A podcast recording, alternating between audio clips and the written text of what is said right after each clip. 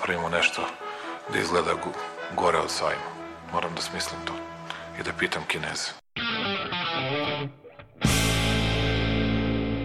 I've today left hospital after a week in which the NHS has saved my life. Ne mogu da verujem da narod koji je preživao sankcije, bombardovanje, svakojako maltretiranje će se uplašiti najsmesnijeg virusa u istoriji čovečanstva koji na Facebooku postoji. And now I'm better and maybe I'm immune, I don't know. Dobro večer. Mene su poslali iz štaba. Ja ću vam pomoći. Aleksandar Kocić Jelena Viser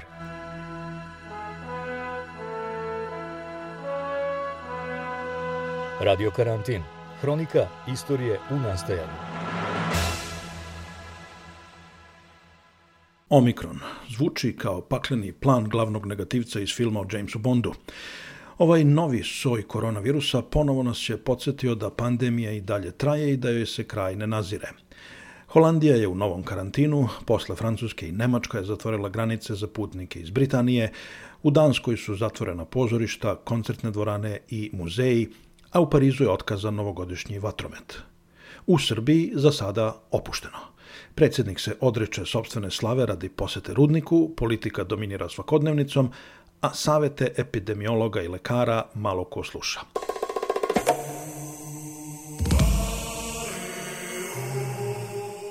Dobrodošli u još jedan radio karantin. Ja sam Aleksandar Kocić, a moje današnje gošće su u Rotterdamu epidemiolog Ivana Prokić i u Pančevu pulmolog Slavica Plavšić. Njih dve su članice neformalnog savjetodavnog tela za borbu protiv pandemije Ujedinjeni protiv covid -a. Kako same kažu, vlast ignoriše njihove ideje i predloge, a ako ih nekada i usvoji, to uradi kada je već kasno i pripisuje ih sebi. Čemu onda uopšte služe ovakva udruženja i da li su ona medicinska opozicija? I šta je za ove dve godine vlast u Srbiji uradila dobro, a šta loše u borbi protiv pandemije?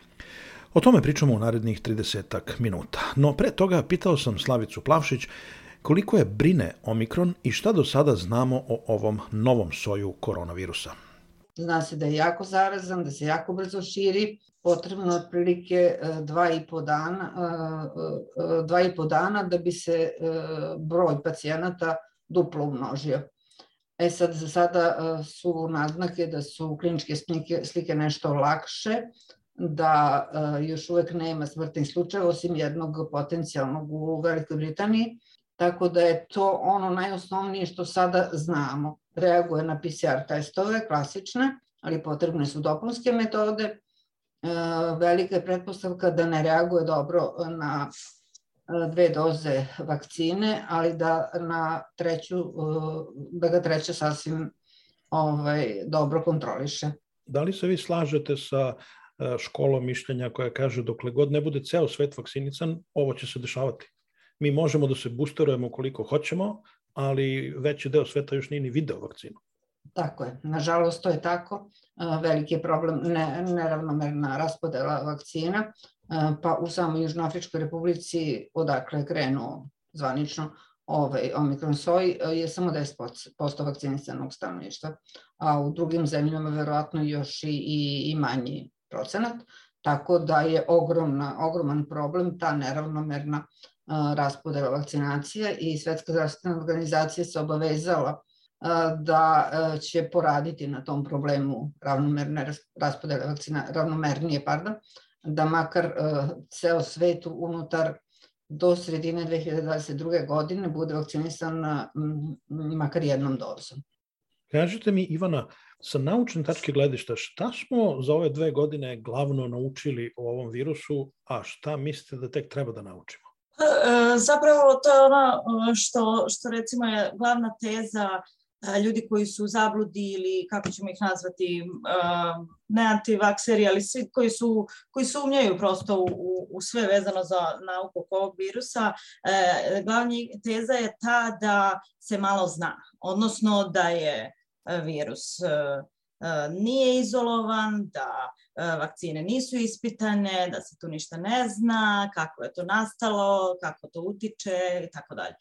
To je, mislim, naravno ovaj, bila situacija u početku, pričamo o recimo martu prošle godine, ali sada dve godine nakon, mislim dve godine u pandemiji, naučnici širom sveta zaista znaju i u ostalom kliničari, jel, zaista znaju mnogo o ovom virusu, praktično sve što, što smo do sada mogli da iskusimo. Tako da praktično Naravno da je virus izolovan, on se praktično izoluje svakim PCR testom. To je, tako da je to jedna potpuna glupost koja, koja, koja se govori. E, svaki PCR test upravo e, izoluje genetski materijal virusa i tako potvrđuje njegovo prisustvo u uzroku koji je uzet. E, naučnici, ja se bavim e, genetskom epidemiologijom, e, tako da praktično naučnici su sakupili podatke iz, iz celog sveta praktično. Mi imamo velike konzorcijume gde mi na gomilu jedno stavljamo te podatke, to su milioni i milioni ljudi, to je jedan presedan, to se nikada ni za jednu bolest ranije nije desilo,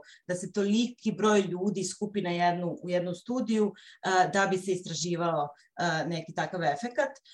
Na primer, radi se u, u, što se virusa tiče, njegov genom se sekvencionira, znači mi pročitamo praktično redosled njegovog genoma, znamo koje mutacije, na taj način pratimo mutacije, na taj način pratimo kretanje, kako se e, taj virus kretuje, tačno se vidi iz Kine, pa se desi novi virus, pa to ide i, i naravno e, pri svakoj replikaciji virusa mi imamo mi imamo neku novu mutaciju, ali ne mora znači da će ta mutacija da promeni išta što se tiče samog virusa, ali se tako ponekada desi na mestima gde imamo veliki broj replikacija, odnosno veliki broj ljudi, da se dovoljan broj mutacija desi da mi imamo taj neki novi soj u smislu kao neki podvrstu tog virusa. I mislim, e, e, naučnici to sve prate i zato bi se nadvezala na, na doktorku e, da i Delta je došla iz Indije, nije došla iz Izraela ili gde god je već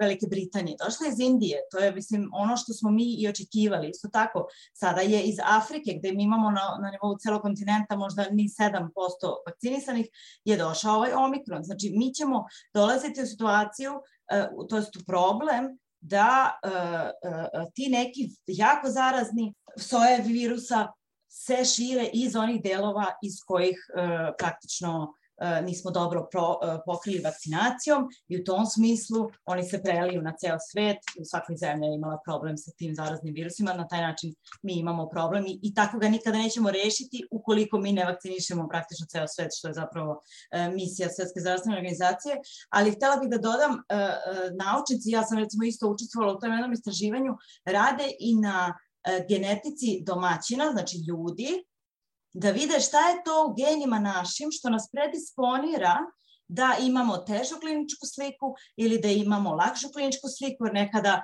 e, neko sasvim zdrav e, umre od korone ili od nekog posledica zbog, zbog zaraze, a neko sa nekim bolestima ili već e, preboli. Tako da praktično naučnici pokušavaju to da saznaju sada, to je možda jedina nepoznanica šta je to što nas čini osetljivim, a da se ne vidi ovako na prvi pogled i to je upravo o, pronađeno da jesu geni i to geni koji su povezani sa nekim procesima e, imuniteta.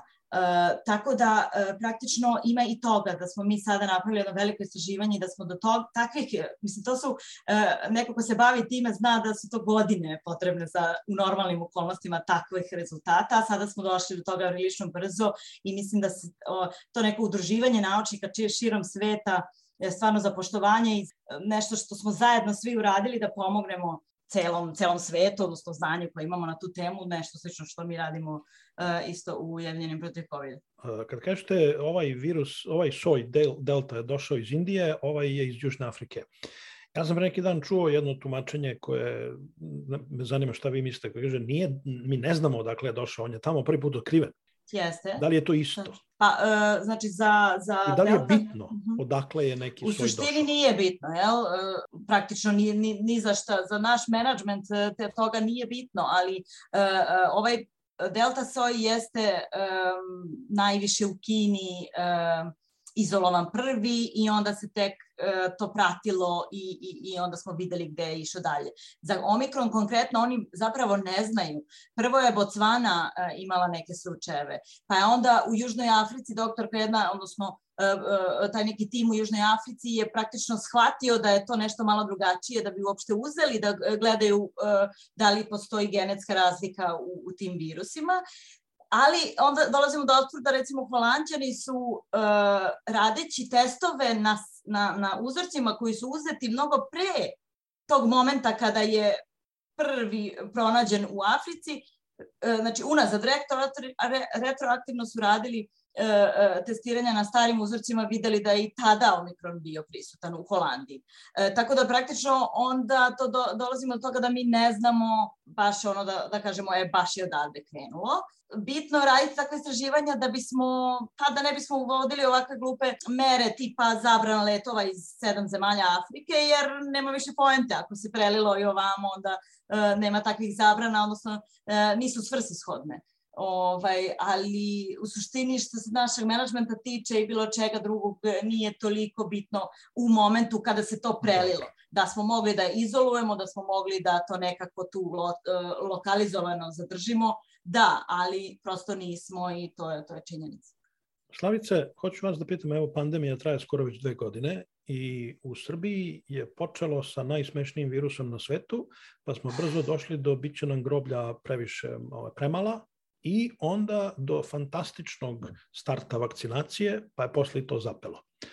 Kako vi ocenjujete dosadašnju borbu srpskih vlasti protiv pandemije tokom ove dve godine? E, jeste, upravo to, to, kako ste vi rekli, e, i tu je u startu tog 26. februara e, sa te nesrećne konferencije za novinare, kada je, su naše zdravstvene vlasti se tako sprdale na neki način sa, sa virusom, kako je najsmešniji virus na svetu, kako je za Boga manje smrtnost nego od ujeda, da više ljudi umre od ujeda komarca, to je lično predsednik izjavio, nego od virusa kako narod koji je pretrpao bombardovanje, sankcije i tako dalje se plaši, kako žene treba da idu u shopping u Trsti i mislim to tu je krenula velika naša nesreća. Mislim, naravno nije jedina, ali zaista da, da nije bilo te i takve kobne konferencije za novinare i, i izjave naših zvaničnika, e, možda bi si i, išlo sve nekim drugim tokom.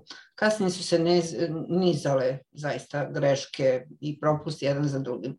E, počelo od onog nehumanog zatvaranja, potpuno bespotrebnog i besmislenog i, i nehumanog puštanja e, penzionera u 3-4 sata ujutru kupovinu, onda zatvaranje od 24 sata, 48 sati, pa je bilo čak ono jedan vikend za uskrs 78 mm, sati, da, da, da nismo mogli ni, ni kursne ljubimce da, da izvedemo napolje, niti da se izbaci džubre, niti bilo šta.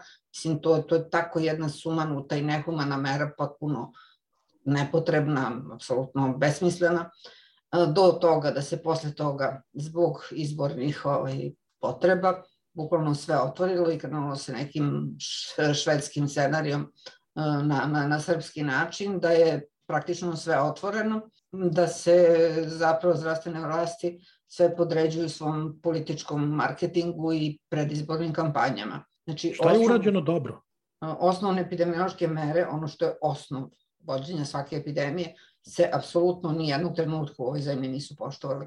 E, znači, mi nismo naučili da nosimo maske još uvek i to malo ljudi što ih nosi, ne nosi ih pravilno. Tako da, da, da to, to, to tih nekih najosnovnijih grešaka koje pravimo, to se, to se dalje samo umnožava, umnožava, umnožavaju problemi. O fizičkoj distanci, o, o svemu ostalom što treba da se poštuje, apsolutno se tu ništa, ništa ne radi. E, šta je urađeno dobro, pitali ste me, pa svakako mora da se pohvali naša uh, nabavka vakcina među prvima u svetu i veliki broj vakcina. To da ne ulazeći u to na koji način je nabavljeno, koliko to košta i kako, ali mora se odati priznanje da je to zaista veliki uspeh u periodu kada još uvek veći deo sveta zapravo nije ni video, ni, ni dos, nisu ni dospore vakcine.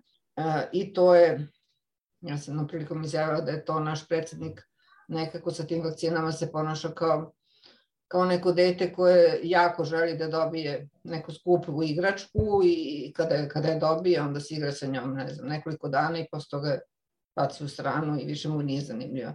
Otprilike se neko tako ponao naš predsednik i prema respiratorima koje je tako nabavljao na velika zvone u velikom stilu i sa vakcinacijama. Znači, ne mogu da štite narod e, vakcine, nego vakcinacija. Znači, e, kupljene su vakcine, one su tu, raspoložive su, ali se na promovisanju vakcinacije jako malo radilo, gotovo ništa, tako da od tog nekog prvobitnog e, vakcinisanja koji je bio, gde je bio dobar odziv, nažalost vakcinom koja je najmanje efikasna, to je Sinopharm, u januaru, februaru i početkom marta. Posle toga smo išli sve sporije i sporije, da bi se već negde od maja, juna potpuno, bukvalno zaustavila vakcinacija i kasnije išla sa manjim ili većim oscilacijama, ali ne više od 1-1,5% mesečno. Da li mislite da je trebalo, da je dobro bilo ljudima dati da biraju vakcinu, ljudima koji ne znaju ništa o tome? Jer ja mhm. nisam video ni jednu drugu zemlju gde se to radi. Pa nije bilo dobro svakako, pogotovo u našem narodu koji je takav kakav, mislim, nijedno verovatno narodu je, da. nije dovoljno stručan, nije, niko nije dovoljno stručan da, da bi mogao da bira, možda je to stvorilo još samo veću zabludu, još veću konfuziju i, i preganjanje među narodom i još veće sukobe među njima. Mislim, i onako se o tome malo znam, zna i još ovaj, onda se, umesto da se, da se ljudi vakcinišu, oni su se, ne znam, preganjali oko toga koja je bolja, koja nije bolja, da li rusku, da li kinesku, da li američku, da li, mm, da li oksfordsku ili tako dalje. Mm, nije to bio neki pametan potez speci, specijalno. E sad, vas dve ste u organizaciji Ujedinjeni protiv covid -a. To je ako mogu tako da ga definišem, jedno alternativno savetodavno telo, ko, kakva postoje negde drugde. Evo mi imamo u Britaniji SAGE, to je naučno telo koje savetuje vladu, pa imamo i alternativni SAGE, to su naučnici koji nisu u, u ovoj zvaničnoj, i kad je počela pandemija, onda smo pratili njihove preskonferencije i savete, oni su nudili alternativna rešenja i viđenja krize. Ivana, Šta je za vas bio motiv? Zašto ste ušli u jednu ovakvu organizaciju? Ja moram da kažem od samog početka pandemije, znači pričamo o martu, ja živim u Rotterdamu, mislim Evropa je sva bila zatečena tim dešavanjima u Italiji, generalno i u Srbiji i ovde uh, i negde u isto vreme je i ta pandemija krenula lokalno. Uh, ja kao neko ko je završio epidemiologiju i kao neko ko je smatrao da u tom momentu imam neko znanje koje bih mogla da podelim i da da, da, da ponudim praktično kao pomoć svojoj državi, ja sam uh, tada bila organizovala uh, kolege moje naučnike iz cele dijaspore i napravili smo jednu platformu, jedan sajt, to je bilo preko 80 ljudi koji su sa prostora Balkana, koji su svuda po svetu, naučnici sa doktoratima iz raznih oblasti, najviše naravno epidemiologija i, i, i lekara, ali i drugih oblasti i mi smo praktično u tom nekom smislu seli zajedno da sastavimo neku strategiju, da sastavimo neku pomoć poučeni onima čem, u, u državama, u, u metodama koje se uh, primenjuju u državama u kojima smo, u kojima živimo. Uh, smo u nekom onako iskrenom porivu za, da pomognemo svojoj državi uh, uh, radili na tim nekim predlozima, uh, međutim udarili smo u zid i to je nešto što je onako prilično bilo ne znam, poražavajući u nekom smislu da si ti neko ko uh, bez bilo kakve nadoknade, naravno, bez bilo kakve samo iz čiste uh, emocije da, da se pomogne ljudima uh, pristupio tome i radio prilično ovaj, na, na tome da tako, recimo, stigli smo do kabineta premijerke Srbije, gde smo dali predloge, to je jedna lista velika predloga šta sve može da se uradi, razna rešenja, naravno što više glava, to više ideja, moje mišljenje. Da li je vlast usvojila bilo što od vaših predloga? Ne, oni su rekli dajte nešto konkretno, ne, otprilike ne, ne, ne, uopšte ne razumemo ovo šta vi nama pričate. E, hoću da kažem, e, taj pristup generalno je, ja mislim, uzrok svih problema, ovo što je doktorka lepo ovaj, e, govorila, e, što zabluda, što pri, postojanja, ne, ne, praktično ne praćenja nekih trendova iz sveta, dobre prakse i tako dalje. To je jedan manir na koji se, na, na način na koji se sve radi u Srbiji.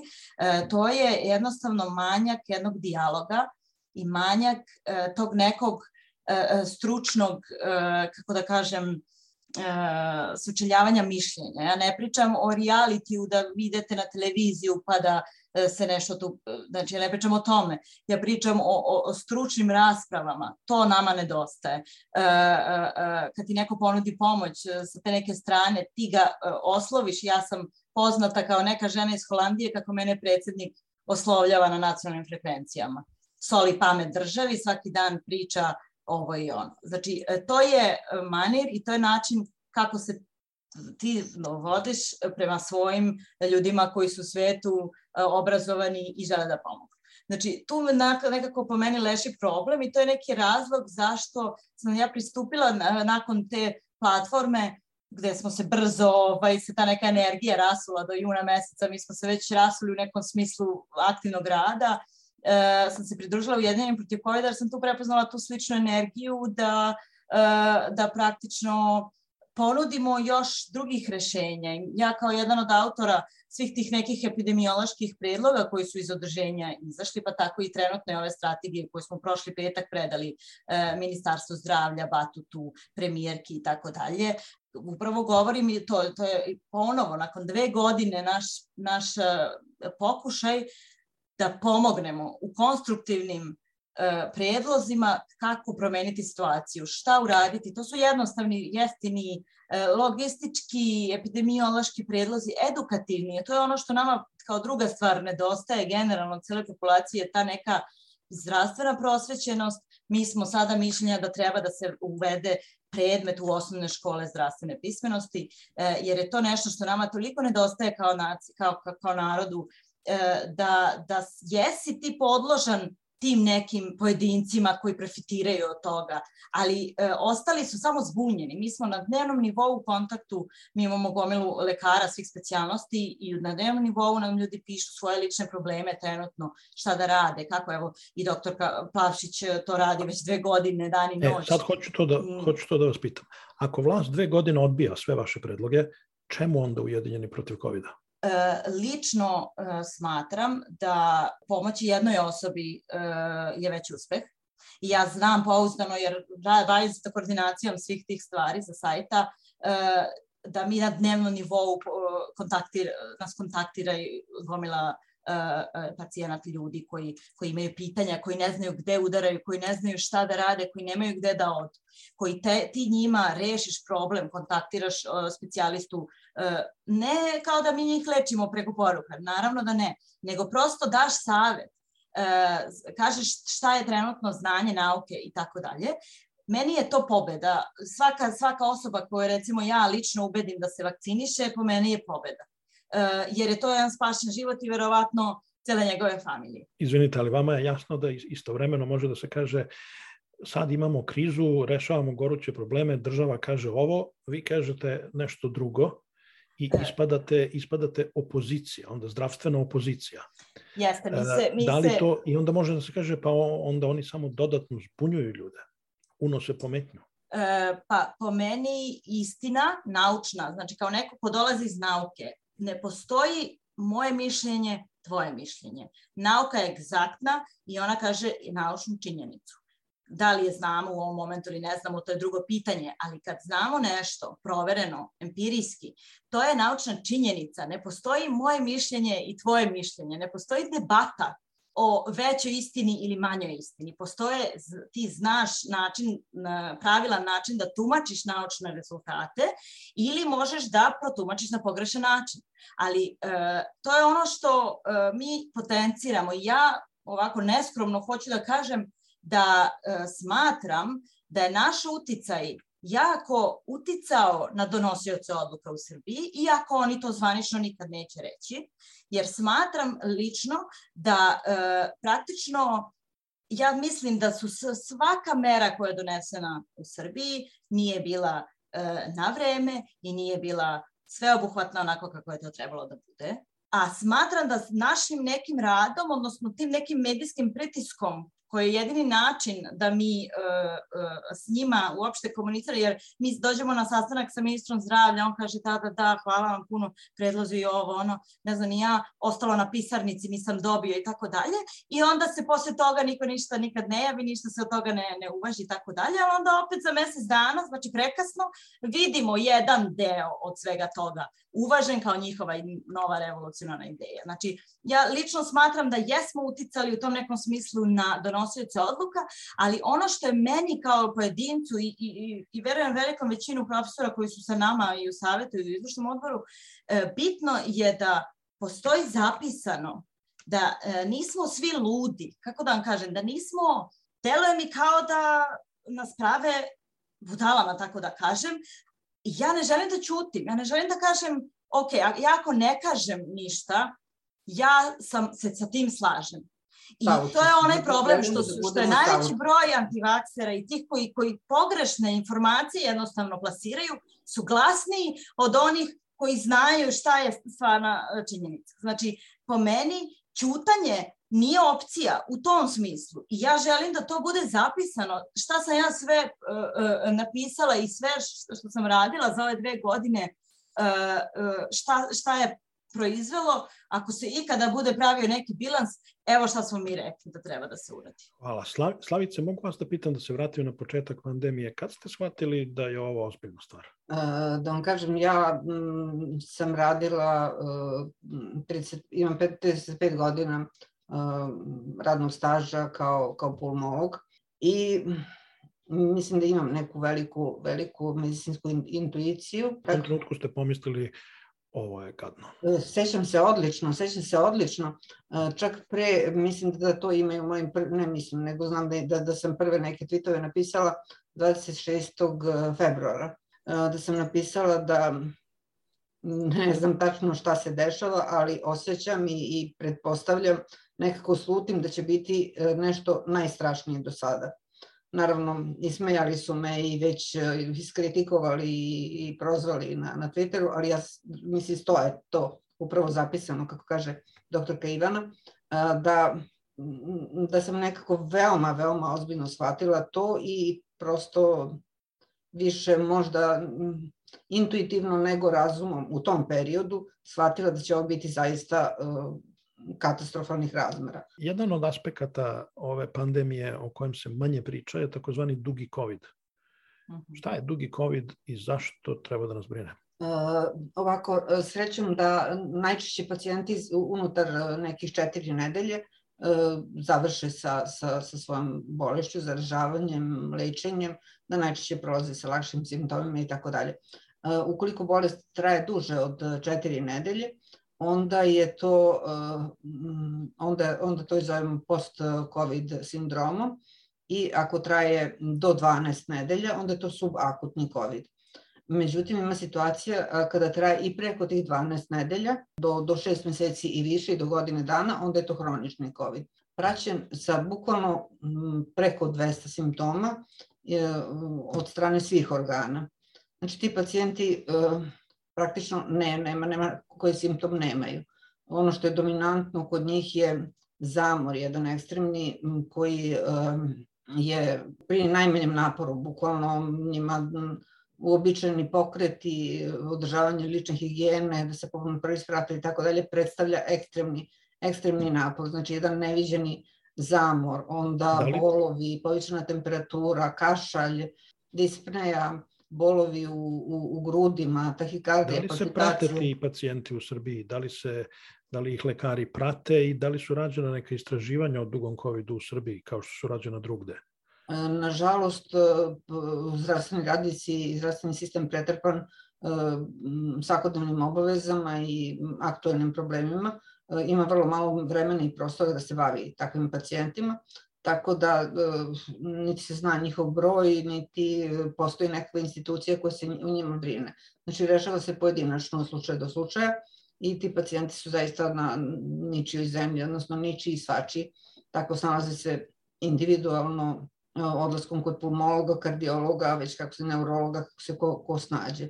Inače, zaista veliki problem i za neke simptome kao što su, neuro, kao što su psihološki, tipa anksioznosti, poremećaja sna, mentalnih magli, što, što jako uzbuđe pacijente. Čak 30 do 40% pacijenata uh, su registrovani sa takvim simptomima, post-covid simptomima. Evo, za koji dan ulazimo u treću godinu, godinu pandemije. Da li ste optimista da će nam to biti poslednja godina pandemije? Nažalost ne. Nažalost nisam.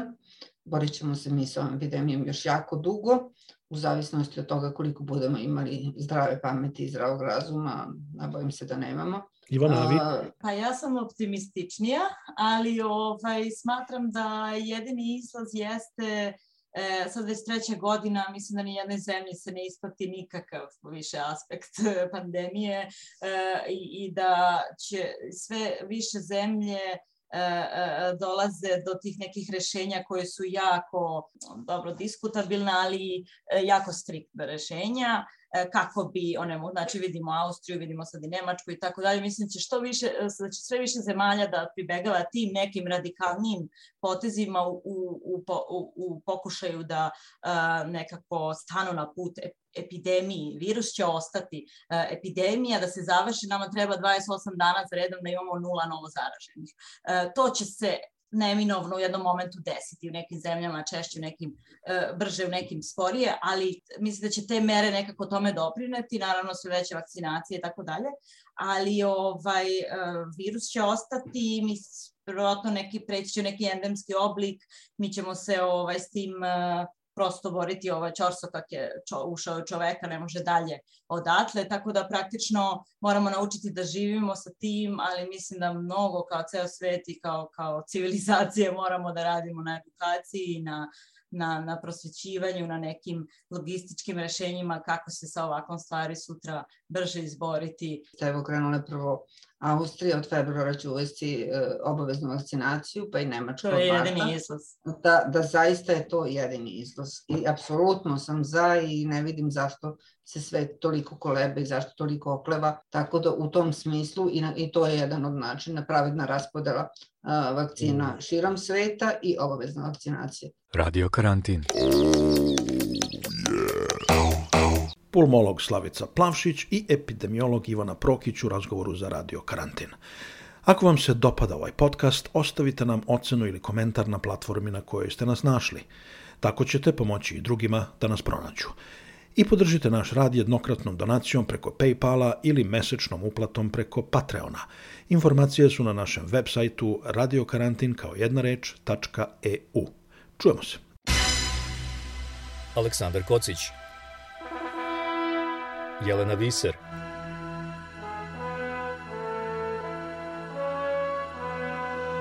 Radio Karantin Hronika istorije u nastajanju